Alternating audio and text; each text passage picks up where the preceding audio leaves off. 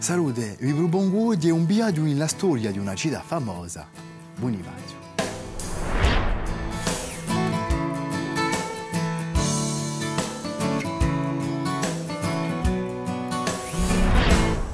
Qual è con conosce Bonifacio, sa città arrampicata sa penisola a Bintacalanche?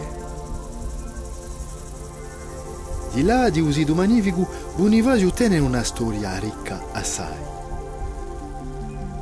Di già, a un novesimo secolo, la Repubblica di Pisa si era arrugginata nanta usido di Bonifacio.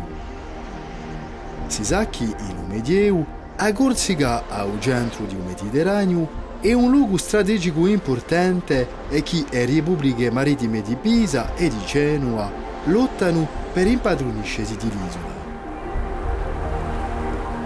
Tocco il XII secolo, Genova pia il possesso di usido di Bonifacio, facile da difendere per fare un presidio, da poter controllare il passaggio marittimo tra Corsica e Sardegna.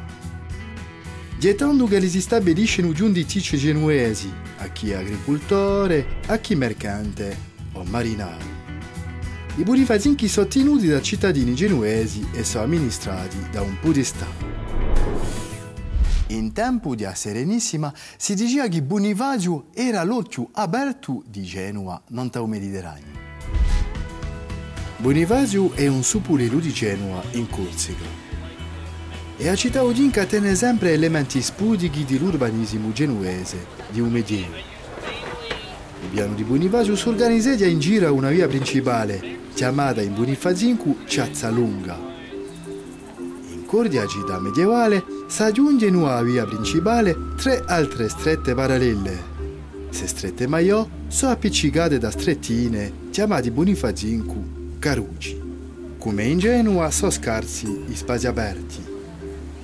In Bonifacio, il centro di vita sociale e civica è la piazza situata tra la loggia di Aicia Santa Maria e il palazzo pubblico dove lo stava, il podestà.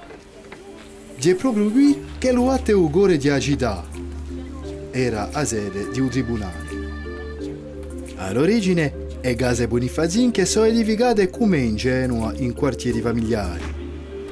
Si vede qui un bel esempio d'architettura di un medievo. Le case non trapassano mica i lui piani. Il Pardidara è un spazio pubblico che si apre tante strette quarcate. Si gola al primo piano con una scala interna. Per via di un commercio e delle attività marittime e agricole, campano è i Bonifazinchi. Sa divisa gli permette alle volte di costruire case più belle, a spesso la betra di un luogo, baladì, o calcario.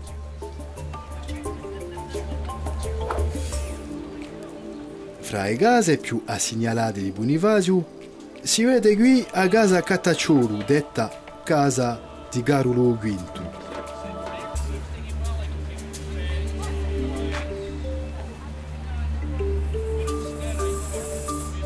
C'è di noi a casa di Doria, una famiglia genuese potente.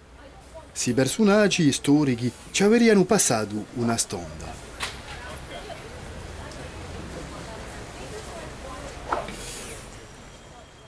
Non ci vuole mai a scordarsi che Bonifacio era innanzitutto una città fortificata. Su disegno rappresenta la città di Bonifacio al XII secolo. Si vede che è cinta da muraglioni con pareti d'ore. La città è edificata piuttosto a livello di usido, a manca di un disegno.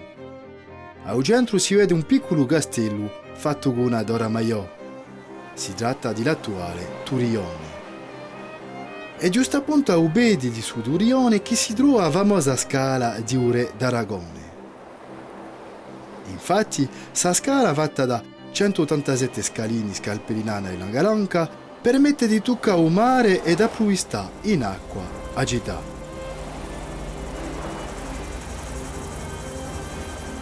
In un medievo, a parte punente di Agità era un bosco e le legne erano dedicate alla costruzione di case di Agità. C'erano di parecchi conventi. A Iescia San Domenico, che proprio di qui, era mezzo un convento domenicano che non esiste più oggi. Si capisce di no che la città è raccolta in cima di Agalanca e che a Marina non esistia poche mica. Al XVI secolo, dopo l'abuto franco-turco, i genuesi decidono di modernizzare le sue La pezza maestra di difesa nuova è il bastione di l'Etendard. Su bastione intertia l'anziana d'ora. Su bastimento protegge tutti i canti di città, a Garotula, a Marina e a Bortadetta genuese. Sa Porta Maiò, chiamata dai Bonifazinchi Linguardia, tiene un ponte pisatoio che data di 1588 permette di difendere la città in caso d'assalto. A Garudula è un'altra via, è protetta da un bastione Sonigulà ed ora sono modificate per permettere di tirare di canone e per proteggere la gara di Bonifacio dai battelli numidi.